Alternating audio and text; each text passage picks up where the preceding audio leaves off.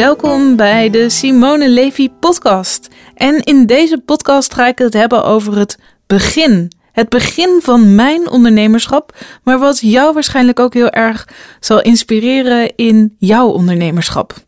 Want als we ergens mee starten, dan is dat toch ook spannend en kan je al daar enorm tegen aanhikken of niet durven of juist het dus niet te gaan doen.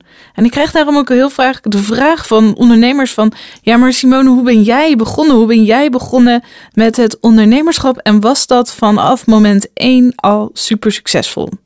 Nou, in 2008 leerde ik mijn huidige partner, man, Matthijs kennen via Relatieplanet. En we hadden meteen een leuke klik, maar we waren niet meteen heel erg verliefd. Het duurde eventjes, want als je verliefd wordt door Relatieplanet, is dat soms ook een beetje raar of voelt het uh, gedwongen. Maar we konden wel altijd al heel goed onze verhalen bij elkaar kwijt. En wat we ook konden is dat we elkaar konden stimuleren en enthousiasmeren. En hij was ook de allereerste man die het meteen helemaal in mij zag zitten. En die ook echt in me geloofde en die ook geloofde dat ik meer dingen kon dan dat ik zelf geloofde dan dat ik kon. En in die tijd was ik best wel onzeker ook over mezelf. Ik kwam uit een ongelukkige relatie en ik had een baan en dat ging allemaal wel lekker en prima, maar niet dat ik daar nou echt mega gelukkig of happy van werd. En ik had het er wel eens met Matthijs over. En dan zei ik tegen hem van, oh, het lijkt me wel heel tof later. Later als ik groot ben, als ik misschien 40 ben of 50, dan wil ik ondernemer worden. Dan heb ik alle ervaring opgedaan om dat te worden. Maar nu moet ik eerst nog keihard werken en heel veel stappen zetten en de ervaring dus opdoen om uit te groeien tot een succesvolle ondernemer. En pas dan als ik al die kennis en ervaring heb opgedaan, dan pas kan ik me inschrijven bij de Kamer van Koophandel. Nou, in die periode werden we ook steeds meer verliefd op elkaar. En op een gegeven moment hadden we het heel veel over onze dromen en over het ondernemerschap. En op een gegeven moment zei Matthijs: Weet je wat? Hoe zou je het vinden als we gewoon samen een bedrijf zouden starten? Gewoon samen zouden beginnen. Ik was niet blij met mijn baan.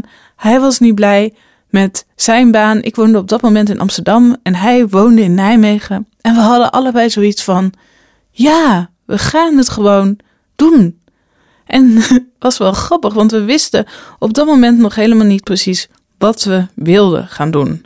We wilden vooral ondernemen, niet afhankelijk zijn van een baas. En we waren verliefd, dus we wilden ook heel veel bij elkaar zijn en samen werken en leuke dingen doen toen hebben we ons ingeschreven bij de Kamer van Koophandel en ben ik ook bij Matthijs in Nijmegen ingetrokken. In juni 2009 hebben we ons ingeschreven bij de Kamer van Koophandel. En volgens mij heette het bedrijf toen Grow Rank. En dat was ook een beetje een rare naam, maar dat was Grow Rank, want we dachten, oh ja, we kunnen wel iets doen met het internet. En dan, dan, dan net als een druivenrank dan kan je heel snel groeien. Want als je daar voeding aan geeft, dan groeit dat. En we wilden ons dan maar een beetje richten op SEO of social media, maar we wisten het eigenlijk helemaal niet precies. Maar op dat moment was ik ook al druk bezig met het opzichten van een blog, omdat ik zag van, wauw, social media is heel erg in opkomst en daar wordt heel veel over geschreven. Daar hebben heel veel mensen het nu over. Dus laat ik daar ook een blog over starten. En ik start het blog Social Medium en op dat blog ging ik gewoon schrijven over social media. En er waren gewoon best ja, simpele tips over de vijf beste tips voor je Facebook profiel. Of op het moment dat de Facebook bedrijfspagina uitkwam, dan was het, waren het de vijf beste tips voor je Facebook bedrijfspagina. Of we schreven een blog over de vijf beste tips om een goed blog te schrijven. En doordat we zoveel schreven, kregen we ook steeds meer vragen van ondernemers van, goh, maar zouden jullie dan eens willen, meer willen uitleggen van hoe Facebook dan werkt of hoe Twitter dan ook werkt? Nou, en zo kwamen we van de ene opdracht in de andere opdracht. Plus dat we ook totaal niet bang waren om naar een netwerkbijeenkomst te gaan. Dus we gingen ook naar heel veel netwerkbijeenkomsten. En als we dan de vraag kregen van, goh, kunnen jullie ook dit en dit en dit? En het had allemaal iets met het internet te maken, dan zeiden we altijd ja. Dus ook als we twijfelden dat we misschien niet konden, zeiden we toch vol overtuiging en vol stelling ja. En zo hebben we bijvoorbeeld iets van 5000 teksten geschreven voor een hogeschool over allerlei verschillende opleidingen, zodat zij het hoogste uitkwamen in Google. En ik weet nog dat we de hele kerst en het hele nieuwjaar alleen maar van die webteksten aan het schrijven waren over opleidingen. En op dat moment toen hadden, kregen we nog een aanvraag om webteksten te schrijven voor een reisorganisatie. Maar daar hadden we helemaal niet de tijd voor. Maar we zeiden toch ja. En daardoor zetten we mijn broertje in en die ging die teksten schrijven. En op die manier groeiden we en groeiden we. En dit is denk ik ook een tip voor jou. Een tip voor jou om niet meteen nee te zeggen als je twijfelt of je iets wel of niet kan doen, maar echt in de startende fase van je ondernemerschap om ook juist heel veel ja te zeggen. Want als je heel veel ja gaat zeggen, dan ga je daar ook heel veel van leren. Nou, en zo groeiden we steeds verder uit. We kregen ook aanvragen voor websites.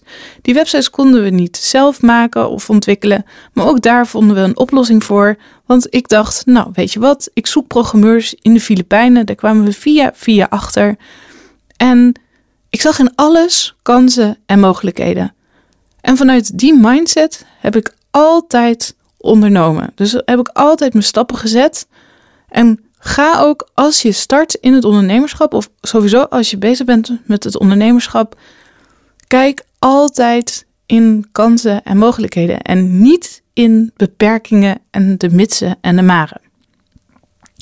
Nou, en het bedrijf ging lekker. We namen stagiaires aan, er kwam personeel in dienst en we gingen in een heerlijke flow. En ik geloof dat we onze omzet het eerste jaar een ton was. En dat groeide, dat groeide al best wel snel uit naar, naar meer omzet. Maar we hadden ook heel veel kosten natuurlijk, omdat we ook veel personeel hadden.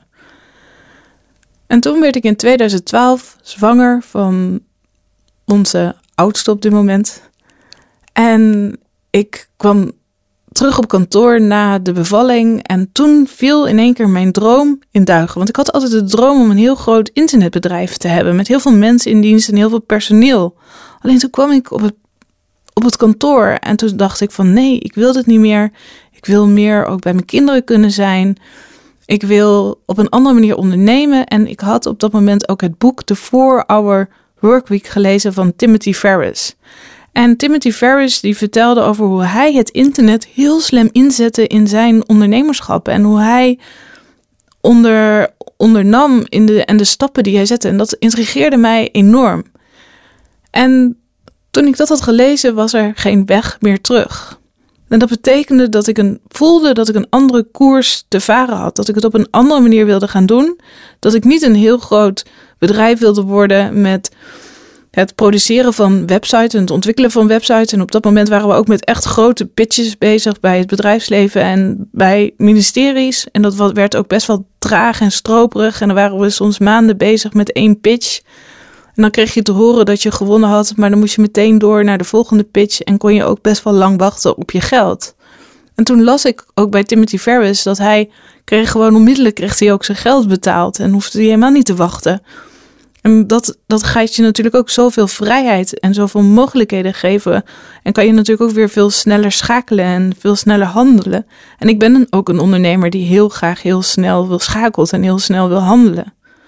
Maar op het moment dat er geen weg meer terug is, betekent het ook dat je dingen los moet laten. Dat je ergens afscheid van moet nemen. Dat je met mensen moet stoppen. En dat je dus ook mensen moet teleurstellen. En dit vond ik het aller, aller, aller, aller moeilijkste om te doen. Om tegen ons personeel te moeten zeggen dat ik wilde stoppen. Om tegen klanten te moeten zeggen dat ik er niet meer gelukkig van werd. Of om een pitch af te zeggen. Terwijl ik juist een persoon ben die overal kansen en mogelijkheden ziet en die altijd ja had gezegd. Maar ik wist, nu moet ik nee zeggen. Tegen heel veel dingen. Maar dat nee zeggen heeft best wel lang geduurd. Dat nee zeggen heeft ongeveer twee jaar geduurd voordat ik de nee's over mijn lippen kon krijgen. En op dat moment dat ik de nee's moest zeggen, was al op een moment dat het bedrijf helemaal niet meer lekker liep, omdat ik er mijn energie niet meer in had zitten, omdat ik ongelukkig was, er geen geldstroom meer was en ik wel nee moest zeggen tegen mijn personeel. En ook met ze moest stoppen omdat er geen geldstroom meer was en ook omdat hun tijdelijke contracten allemaal afliepen en ze anders voor altijd in dienst zouden moeten gaan. En dat was dat het ook echt niet meer kon en niet meer mogelijk was. Maar ik heb daar te lang mee gezeten en ik heb daar te lang op gewacht. Op het moment dat ik dat wel ging doen, dus dat ik zei: ik stop ermee, had ik ook echt heel veel twijfels over mezelf.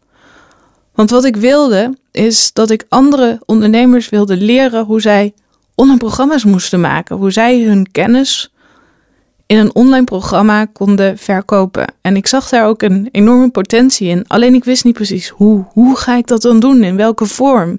Moet ik daar dan mensen in trainen? Moet ik daar dan een exclusief groepje van maken waarin ik dan mensen één op één persoonlijk in zo'n heel proces kan begeleiden?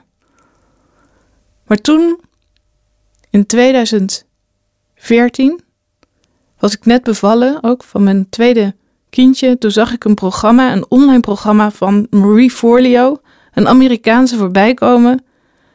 En op dat moment dacht ik, ik moet dat programma gaan doen. Ook al had ik op dat moment nog geen enkel idee waarom ik dat programma moest gaan volgen. En ik volgde het programma terwijl ik diep in de schulden zat. Pakte ik toch stiekem mijn creditcard.